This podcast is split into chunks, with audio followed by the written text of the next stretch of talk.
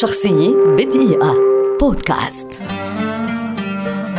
جيوسيبي فيردي مؤلف موسيقي إيطالي شهير ولد عام 1813 ويعد واحدا من أبرز الموسيقيين في تاريخ إيطاليا وأوروبا بشكل عام لما له من تأثير كبير في المحافظة على شكل الموسيقى في زمنه.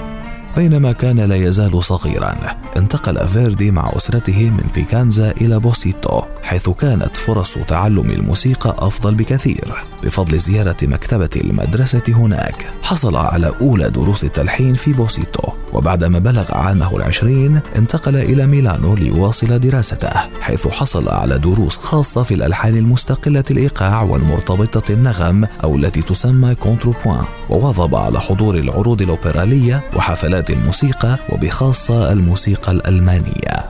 يرجع الفضل لمجموعة العالم الجميل بميلانو في إقناع فيردي ببدء العمل كمؤلف ألحان موسيقية مسرحية. بعد عودة فيردي لمدينته الأولى بوسيتو أصبح عميدا لموسيقى المدينة بفضل أحد محبي الموسيقى من التجار المحليين أنطونيو باريتزي والذي طالما دعم أحلام فيردي الموسيقية في ميلانو. قدم فيردي أول عروضه الموسيقية عام 1830 في منزل باريتزي نفسه.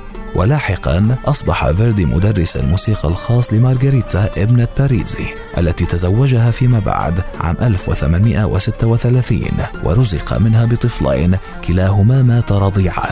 وكذلك فارقت مارغريتا الحياة عام 1840 ليؤلف فيردي بعد ذلك بعامين ثالث أعماله نابوكو أوبرا من أربعة فصول والتي تعد من العلامات الفارقة في حياته. والتي معها بدأت سمعته كمؤلف موسيقي معروف.